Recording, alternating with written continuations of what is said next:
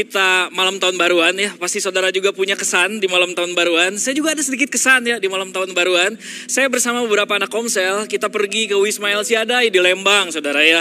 Nah, kita senang-senang di sana, kita barbecue, kita makan-makan, lalu kita berdoa ya seperti komsel aja. Kita senang banget kita berdoa, kita punya uh, resolusi, kita ngobrol-ngobrol. Dan waktu kita menghabiskan waktu di sana, uh, kita sempat main kartu ya. Tapi saya nggak main sih, saya nontonin aja. Karena senang banget, mereka kayaknya happy banget waktu mereka bermain, uh, berbagi, bersenang-senang bersama. Dan waktu ada saudara kami yang menang, bahkan anak saya pun ikut main di situ karena dia senang juga. Kita sama-sama homesel saudara. Dan waktu ada saudara saya yang uh, apa di situ di homesel itu dia menang, tiba-tiba dia berkata begini, dia berkata begini, alam semesta akan menjawabnya. Artinya dia menang. Dia bilang alam semesta akan menjawabnya. Wah saya jadi ingat film Kung Fu Panda waktu itu. Saya langsung bilang, heh kamu tuh kayak Master Oakway tahu nggak? Bilang-bilang alam semesta. Saya jadi ingat juga Master Oakway itu dia bilang begini. You just need to believe. You must believe, saudara. Saudara harus percaya.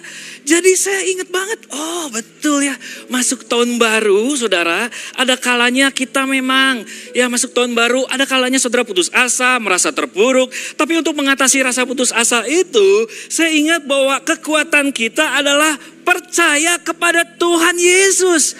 Yang mana Tuhan Yesus itu adalah pemilik alam semesta ini. Jadi saya ingat waktu saudara saya bilang alam semesta akan menjawabnya. Saya percaya di dalam Yesus Kristus. Alam semesta juga akan menjawab saudara. Sehingga saudara di tahun yang baru 2024 ini. Saudara punya hal-hal yang mau dilakukan. Bahwa percaya bahwa di depan sana saudara akan mencapai tujuan yang luar biasa di tahun ini. Yang percaya katakan amin. Yes, luar biasa. Nah, saudara, hari ini uh, sepanjang tahun ini kita punya tema yang besar, tema yang baru buat kita, yaitu one body. Boleh sama-sama bilang one body. Ya, one body adalah bagaimana satu tubuh, saudara. Bahwa kita bicara soal Tuhan dan gerejanya. Di mana Yesus Kristus sebagai kepalanya, saudara dan saya, kita dipersatukan di dalam kasihnya. Kita sebagai jemaatnya dan Yesus sebagai kepala. Itu sebabnya kita sebagai anak Tuhan, kita adalah hubungan saudara. Kita punya hubungan yang intim dengan Tuhan, betul. Tapi kita juga di sini kita bersama sama-sama berjemaat, kita punya hubungan yang luar biasa. Dan juga hubungan intim antara kita dengan Tuhan. Digambarkan pula bagaimana one body itu di dalam keluarga, di dalam pernikahan. One body bicara soal kepercayaan, ya. Satu tubuh bicara soal kesehatian di dalam hubungan, Saudara.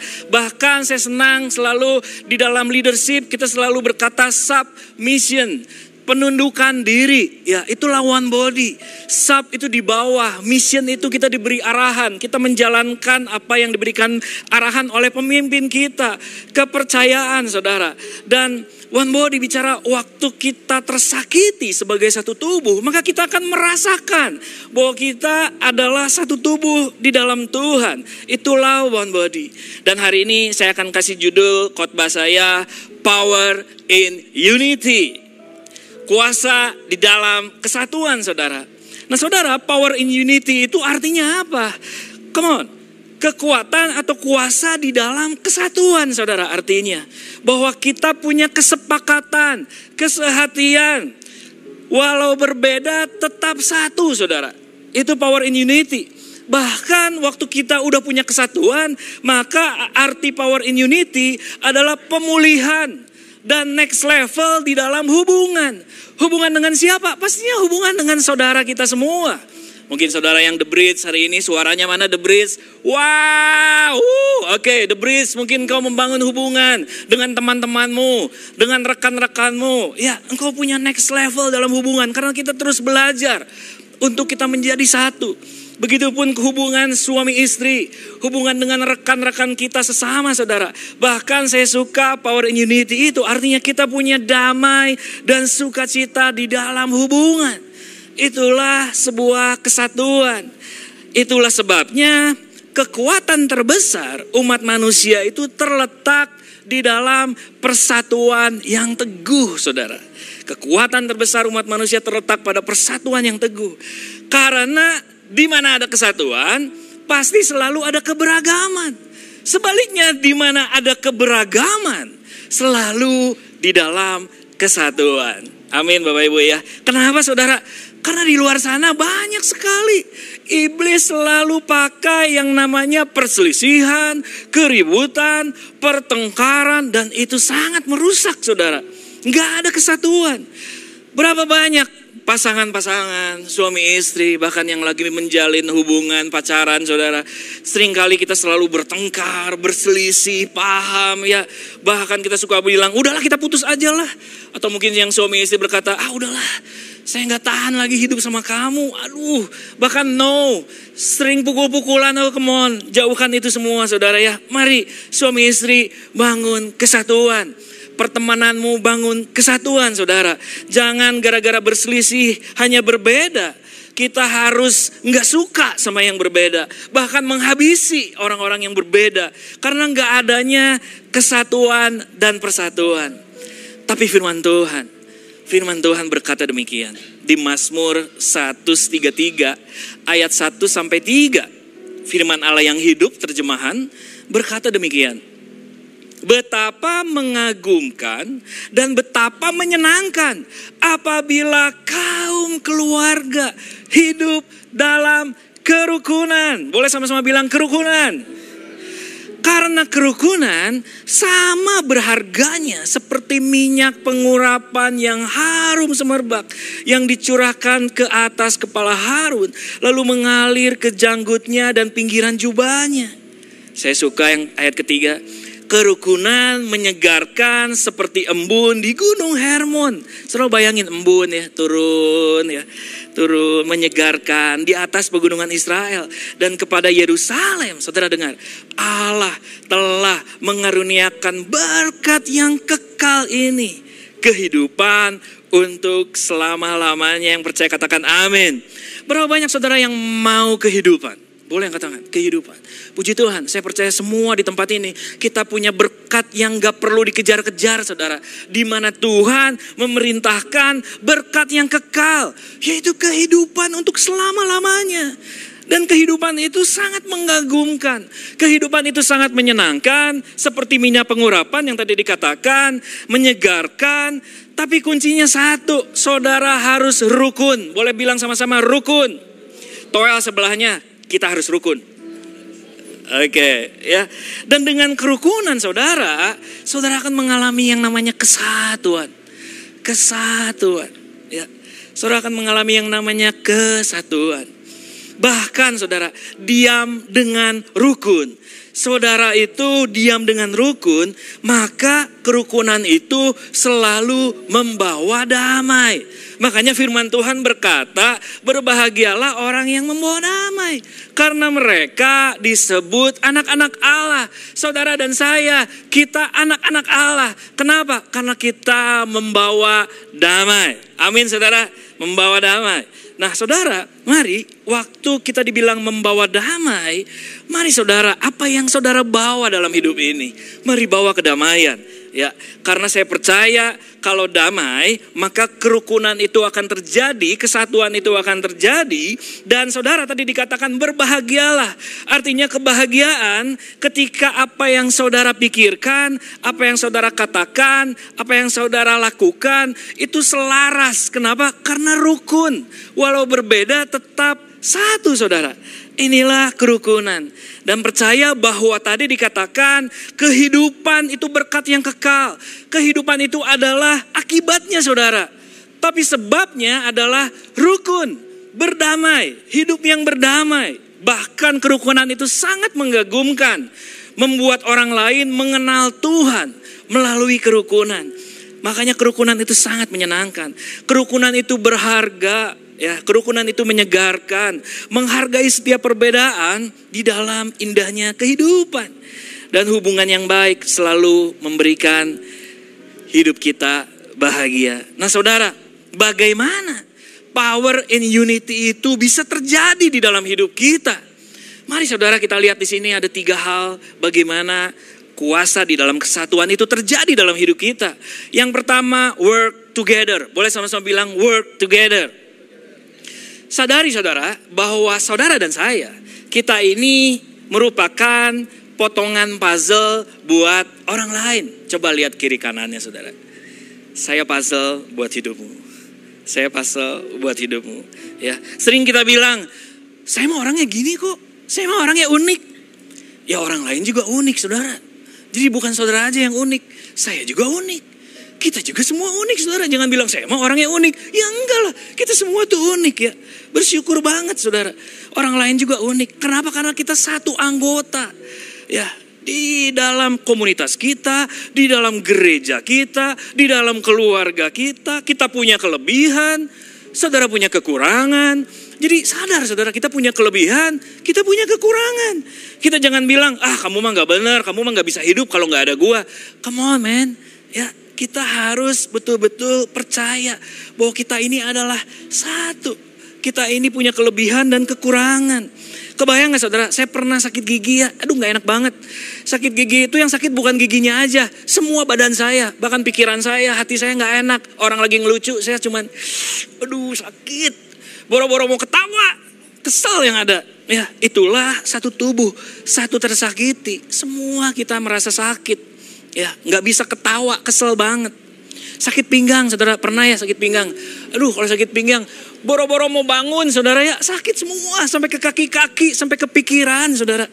Itulah satu tubuh, itulah satu keseluruhan tubuh. Nah makanya kita perhatikan selalu anggota yang lemah di dalam hidup kita. Ya bahkan saudara-saudara kita, kita harus peduli. Kita harus satu di dalam kesatuan di keluarga saudara, di perusahaan saudara, di gereja saudara. Bahkan anggota yang kurang baik punya peran yang sangat berpengaruh dalam hidup kita. Saya kasih contoh, jantung kalau nggak punya mata masih bisa hidup saudara kita tapi coba lihat, kalau kita punya mata, nggak punya jantung, ya nggak bisa hidup. Ya, jadi mari kita itu sama-sama saling tergantung. Boleh sama-sama bilang tergantung.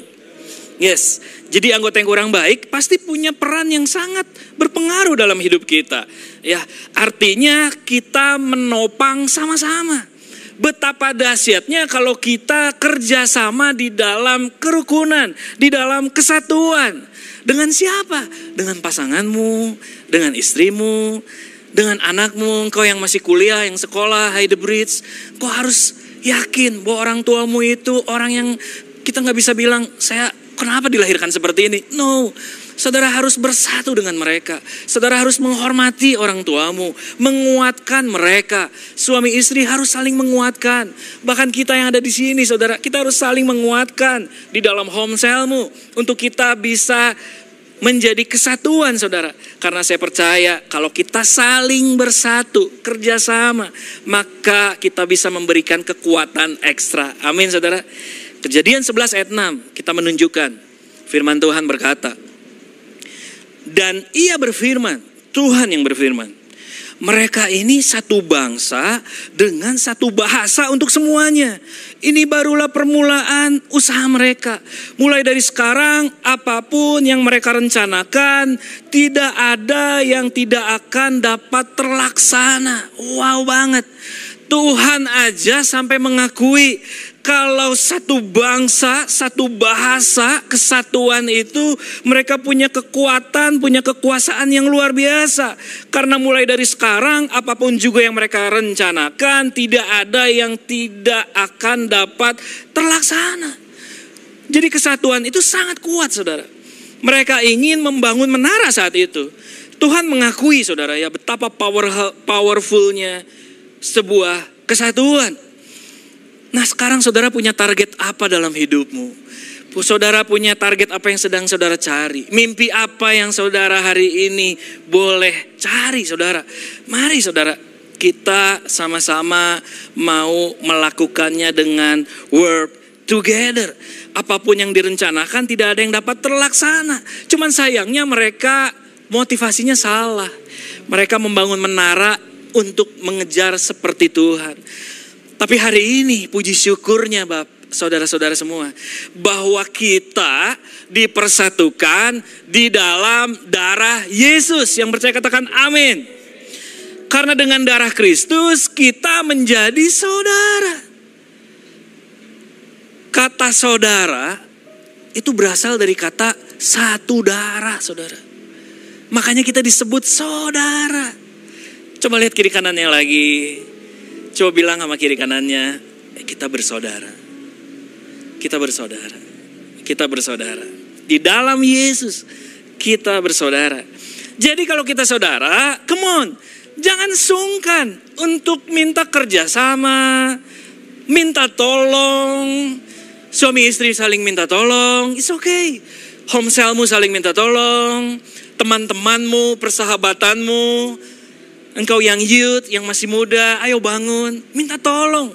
Ya, jangan sungkan-sungkan. Artinya kita mau saling menghormati. Artinya kita mau saling menasihati, saling mendorong di dalam kasih. Saya juga nggak pernah sungkan minta tolong sama saudara-saudara saya di Homesel. Tolong dong, jemputin gua. Gua lagi banyak kempes nih, tolongin dong. Ditolongin saudara. Tolongin dong, bantu nih. Ya, bantu saya nggak ngerti gimana caranya sih kalau mau transfer uang ke sini ke sini ke sini. Dibantu saudara. Ya jadi jangan sungkan. Kenapa? Karena kita saudara. Kita bangun. Hubungan kita mendorong di dalam kasih. Karena mereka adalah keluargamu keluarga besarmu. Apalagi di rumah Tuhan hari ini. Kita adalah saudara. Ya dan saya percaya semua itu kalau kita lakukan dengan bekerja sama maka ada hal-hal besar yang bisa kita lakukan Bahkan kalau kita powerhouse berdoa, kita selalu mendoakan satu sama lain. Kenapa? Karena kita bersaudara. Kita mendoakan orang yang lebih tua, orang yang lebih muda, yang seangkatan, anak kecil, saudara. It's okay. Itu semua kita di powerhouse berdoa. Kenapa? Karena dahsyatnya yang namanya kesatuan. Seperti ada kata-kata yang selalu kita dengar bersatu kita teguh, bercerai kita jangan dong ya. coba bayangin saudara, coba bayangin sebentar ya. Kalau seandainya kita semua bersatu di tempat ini ya. Menjalin kasih, saling mendorong, menghormati, saling membantu, menolong. Wow, isi-isi terbukti kita sudah melakukannya dan terus Tuhan akan membawa isi-isi semakin besar, semakin mulia dan terbukti di tahun ini saudara akan dipakai Tuhan luar biasa. Boleh kasih tepuk tangan dong sekali lagi. Yes, kalau engkau mau bersama work together, isi-isi saudara come on di rumah ini. Saudara akan menjadi seorang yang berarti. Kau menjadi seseorang yang walaupun kita beragam, ya, kita bersyukur ada di negeri Indonesia karena kita beragam saudara dan Tuhan akan pakai saudara luar biasa. Ada kuat yang bagus dari Henry Ford. Dia berkata, coming together is the beginning. Keeping together is progress. Working together is success. Kebersamaan sebuah awal. Menjaga kebersamaan itu sebuah kemajuan saudara. Dan bekerja sama adalah kesuksesan. Wow. Boleh bilang kiri kanannya, work together work together.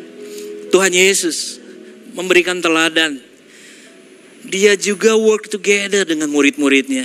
Jangan saudara pikir kayaknya Tuhan bekerja semua sendiri. Enggak. Yohanes 6 saudara kalau nggak usah dibuka ayatnya. Mungkin saudara tahu.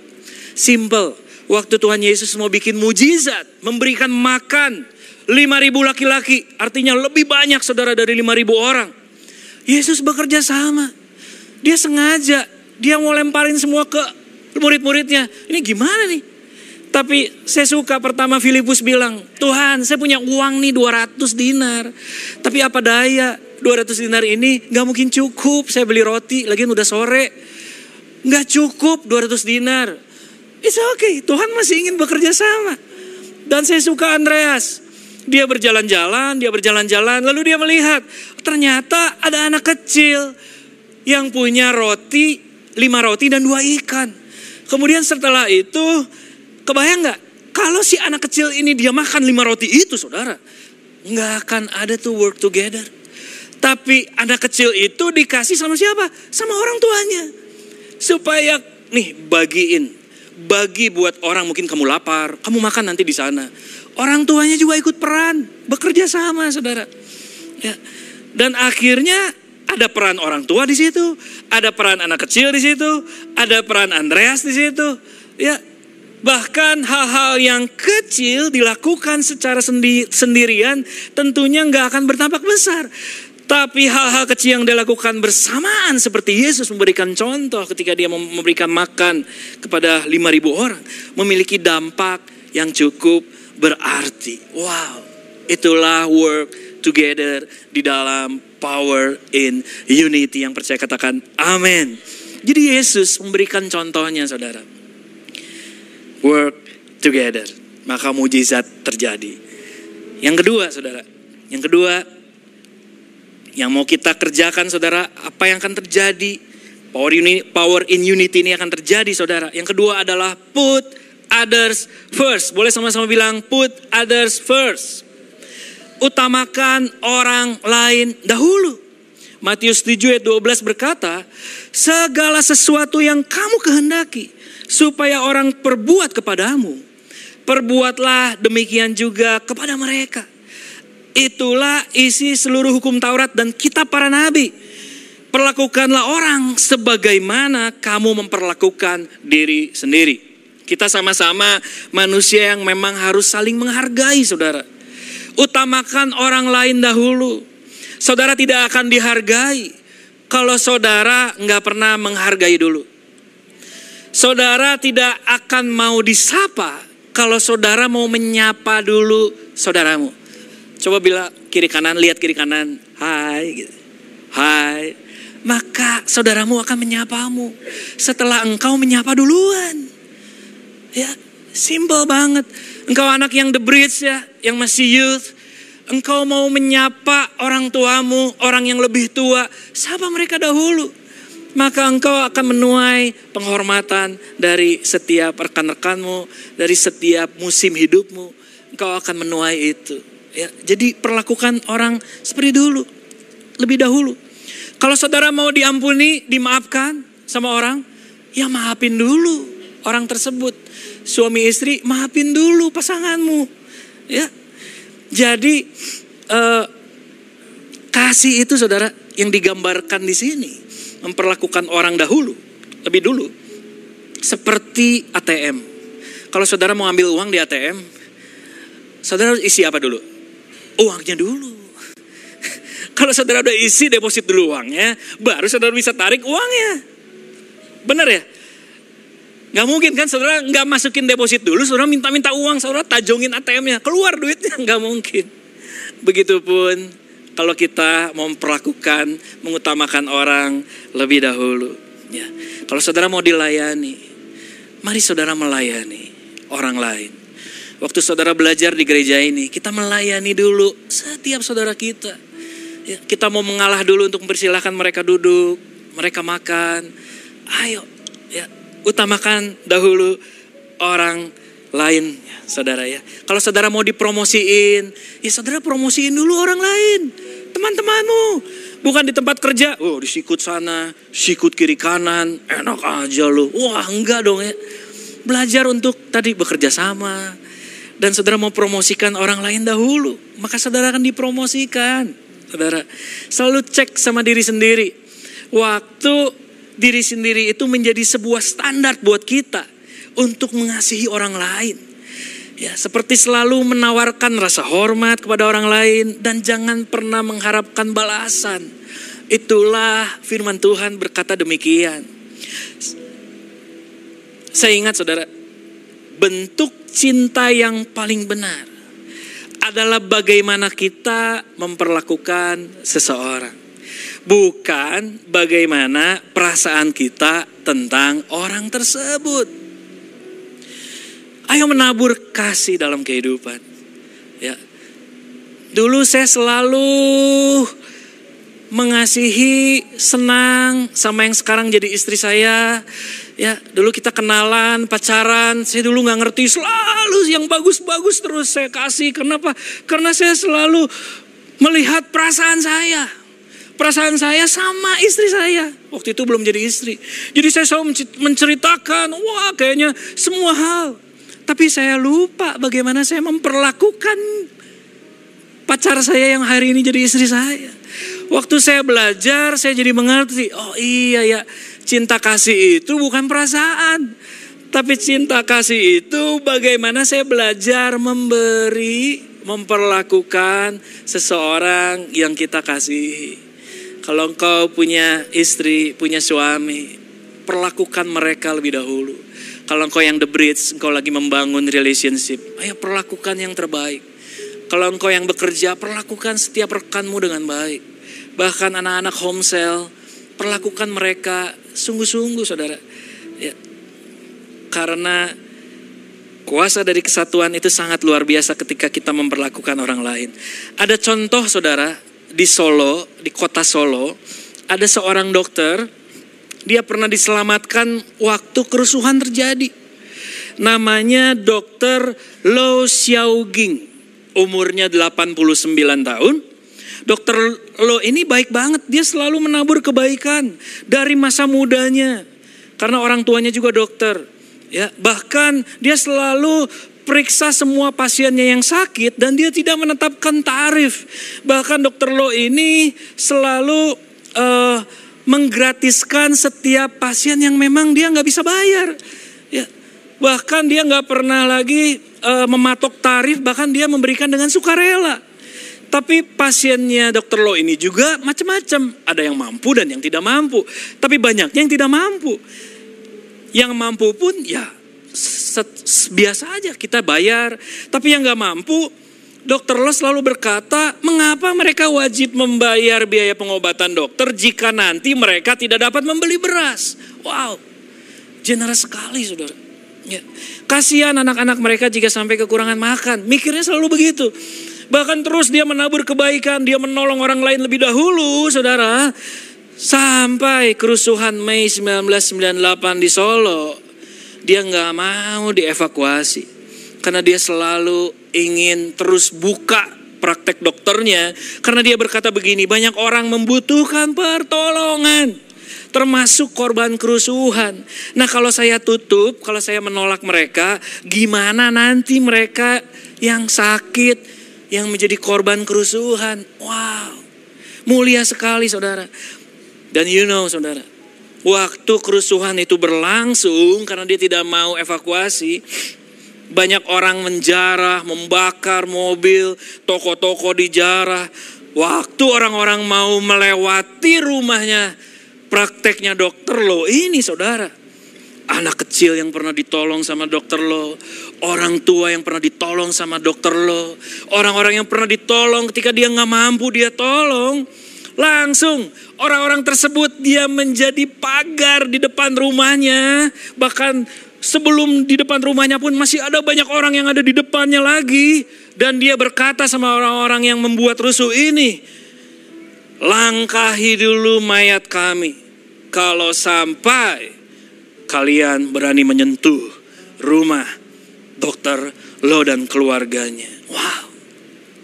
Karena dokter ini bertahun-tahun dia mengutamakan orang lain. Dia selalu menolong pasiennya. Ya, bahkan ketika saatnya dia ditolong, maka nggak ada yang minta, saudara. Semua orang yang pernah ditolong menolong balik. Bahkan saya percaya malaikat Tuhan yang melindungi karena ia lebih dulu menolong, membantu, mengutamakan orang lain. Maka orang-orang membantu dan menolong dokter lo ini sehingga dia tetap sehat, dia tetap ada dan tetap masih hidup sampai sekarang walaupun usianya sudah 89. Dia pun masih periksa, masih pakai kursi roda sekarang dan udah nggak seperti dulu karena usia saudara. Ya. Dengan kata lain, tidak ada kata sia-sia saat kita mengutamakan orang lain terlebih dahulu. Yang percaya katakan amin. Mungkin benar kita nggak bisa bantu, kita nggak bisa kasih uang, kita nggak bisa kasih tenaga kita. It's okay. Tapi doamu itu sangat membantu hidupmu untuk mendoakan setiap orang, mengutamakan setiap orang lain lebih dahulu. Keluarga kita, anak-anak kita, buat anak orang tua kita, guru kita, bos kita, saudara, rekan-rekan kita, di home cell kita. Mari utamakan setiap orang terlebih dahulu. Amin Bapak Ibu. Put others first. Yang ketiga saudara, yang terakhir. Bagaimana power in unity ini akan terjadi? Yang ketiga adalah start with me. Boleh sama-sama bilang start with me. Mulai dari diri saya sendiri. Yes, kalau saudara mau kuasa dari kesatuan itu terjadi, mulai dari diri saya sendiri. Mulai apa sih pastor? Mulai dari diri saya untuk mau dibentuk. Diproses. Boleh sama-sama bilang dibentuk. Boleh sama-sama bilang diproses. Saudara mau diproses, diasah supaya makin tajam kepribadianmu. Diasah sama siapa? Bukan sama alat asah saudara, ya sama orang lagi ya, sama sesama, sama pasanganmu, sama bosmu, sama teman-teman homeselmu, sama partner bisnismu, kita diasah. Komunitasmu, di gereja kita hari ini kita diasah. Jangan lari saudara. Kalau engkau konflik jangan lari. Sedang mengasah kita untuk kita semakin tajam. Artinya dibentuk dan diproses pikiran kita supaya makin dewasa, memiliki karakter yang baik. Karena setiap talenta, setiap karisma itu akan selalu mengangkat kita ke puncak, memberikan kesempatan kita naik ke atas. Tapi hanya karakterlah yang mempertahankan saudara di sana. Artinya start with me. Sampai Tuhan datang kembali, dia mau mencari orang yang dewasa. Boleh saudara bilang orang dewasa. Bukan anak kecil saudara. Penginjil besar Billy Graham berkata, setiap hasil atau tujuan yang ingin dicapai didahului oleh sebuah proses. Ini adalah proses harian di mana saudara bertumbuh menjadi lebih dan lebih seperti Kristus yang percaya katakan amin. Makanya come.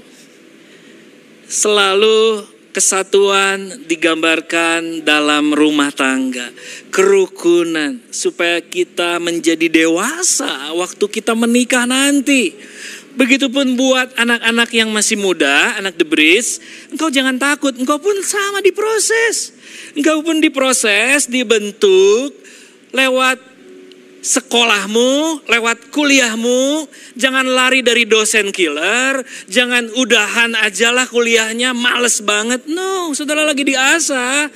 Supaya dalam setiap musim, persahabatan selalu melahirkan kekompakan, kesatuan. Diajar di sana engkau yang the bridge. Bahkan engkau yang the bridge dari muda sampai dewasa, sampai kita selesai di dunia ini, nggak pernah ada kata lepas dari tanggung jawab. Kau belajar tanggung jawab. Di dalam pernikahan engkau pun diajar bertanggung jawab. Karena dalam kehidupan selalu kita diajarkan komitmen, diajarkan kesetiaan, diajarkan ketaatan, bahkan kesepakatan dan tanggung jawab. Saya senang banget. Jadi jangan lari dari setiap proses yang Tuhan mau kerjakan dalam hidupmu. Amsal 27 ayat 17 berkata, besi menajamkan besi orang menajamkan sesamanya. Kenapa besi sama orang sepertinya digambarkan hal yang dikaitkan saudara? Betul banget, karena kita sebagai manusia, kita seperti besi. Artinya apa? Kita keras tapi lunak saudara. Betul nggak? Besi itu keras, tapi waktu dia dibakar, waktu dia bergesekan dengan besi lagi, menjadi panas sampai lunak. Begitupun manusia menajamkan sesamanya. Ketika saudara diproses, dibentuk dengan sesamamu, maka engkau pun menjadi lunak. Ketika engkau kasar, engkau bersentuhan dengan orang pengennya marah terus, tapi engkau berubah. Kenapa? Karena orang akan menggesekmu dan engkau akan memberikan masukan, mengubah hidupmu, saudara menjadi lebih baik. Itulah besi menajamkan besi, orang menajamkan sesamanya. Bahkan kita dalam musim kehidupan, saudara banyak sekali digesek dengan orang. Ya, yang kuliah engkau digesek dengan teman-temanmu. Engkau mungkin kayaknya dibully sama teman-temanmu. Ya, eh jangan membuli lah. Ya, engkau pun jangan pernah membuli teman-temanmu. Dan kita yang menikah, kita digesek dengan siapa? Dengan pasangan kita. Bahkan dengan mertua, saudara, come wajah-wajahnya kalau udah ngomong mertua, udah beda mukanya. Eh, hey, come kita digesek dengan mertua supaya kita menjadi lebih baik. Ya, Saudara yang sombong, kau akan menjadi rendah hati ketika kau digesek. Engkau yang selalu pamrih ketika membantu, waktu engkau digesek, engkau mulai belajar, oh iya, saya tulus loh, saya nggak pernah minta pamrih. Nah, itu semua digesek, saudara. Menjadi murah hati, yang tadinya saudara nggak pernah memberi, tapi karena engkau digesek dengan saudaramu, belas kasihan datang, kasih datang, kau berubah menjadi pribadi yang generous. Ya, karena gesekan menggambarkan sebuah hubungan yang dekat. Kalau nggak dekat nggak mungkin ada gesekan, saudara. Coba gesek saudaranya sebelahnya. Ayo gesek. Panas saudara ya. Jadi jangan menghindari gesekan. Pasti saudara, selalu ada gesekan. Home leader dengan membernya, pasti ada gesekan. Jadi come on, jangan takut saudara ya. Diobrolin, jangan berasumsi. Pasangan jangan selalu berasumsi. Yuk kita ngobrol. Ngobrol, ngobrol. Supaya clear saudara. Saya dibentuk saya diproses dalam pernikahan saudara. Ini foto saya menikah tahun 2002 dan ini foto saya sekarang saudara. Ya, mungkin ada banyak perubahan dari wajah saya, istri saya pun sama. Ya kita diproses 22 tahun yang lalu kita menikah dan saya dibentuk nggak mudah buat saya saudara untuk saya hidup bersama dengan istri saya. Jangan kau anggap saya di gereja sepertinya wah ketawa-ketawa sama istri saya. Itu ada prosesnya. Start with me. Kalau saya nggak mau diproses, nggak akan bisa. Apa yang diproses? Saya ini orangnya intuisi banget, intuitif. Ya, intuitif tuh saya selalu mengolah informasi dengan tambahan panca indera. Ada lima kan, saya kan enam. Biasanya begitu. Ya, jadi selalu mikirnya loading yang lama, dipikirin dulu. Oh, seperti itu.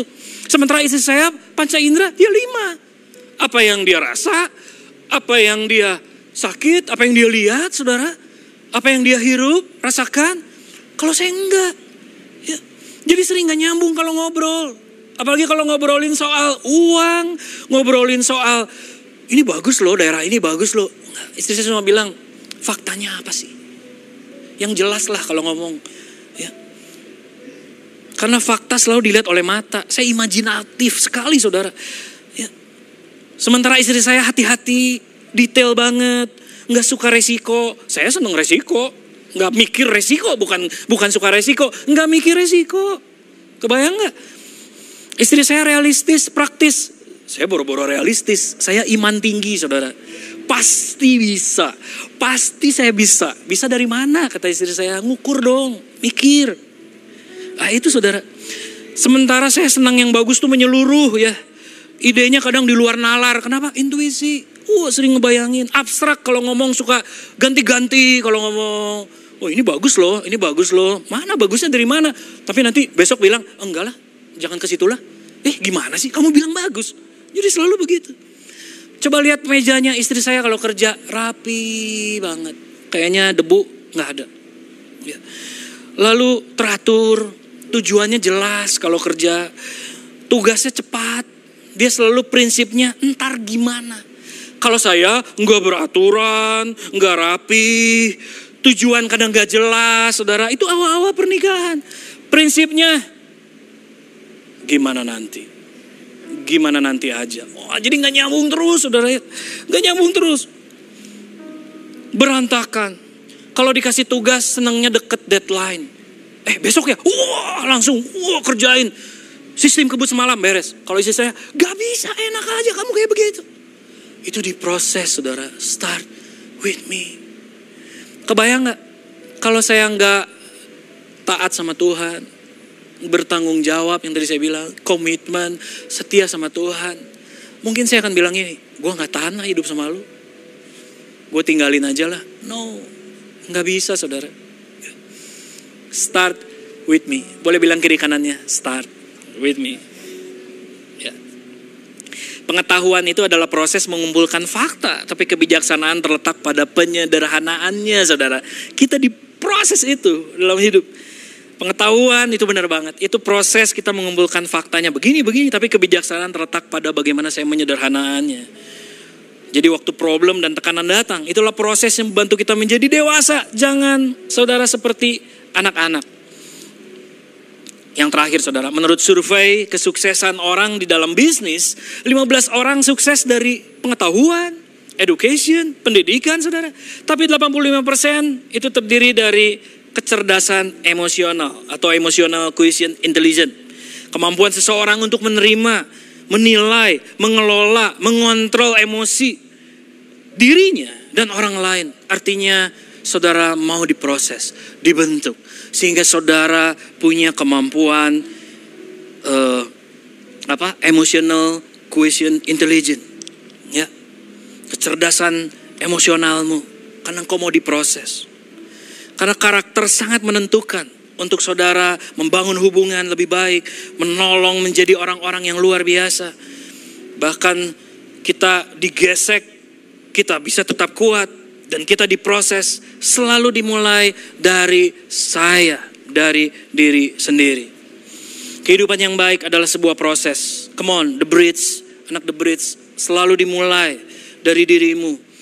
Di musim kehidupan, saudara, kita akan selalu diproses dalam jangka panjang untuk membentuk siapa kita dan hidup kita. Dan kalau kita mau dibentuk, maka saudara akan melihat kehidupan. Prosesnya nggak pernah berakhir sampai kita udahan, saudara. Tapi pilihan yang kita buat akhirnya adalah tanggung jawab buat hidup kita sendiri. Jadi power in unity akan terjadi. Yang pertama, work together. Yang kedua, put others first, utamakan orang lain dahulu. Dan yang ketiga selalu, start with me. Untuk tiga hal ini saudara bisa membangun kerukunan.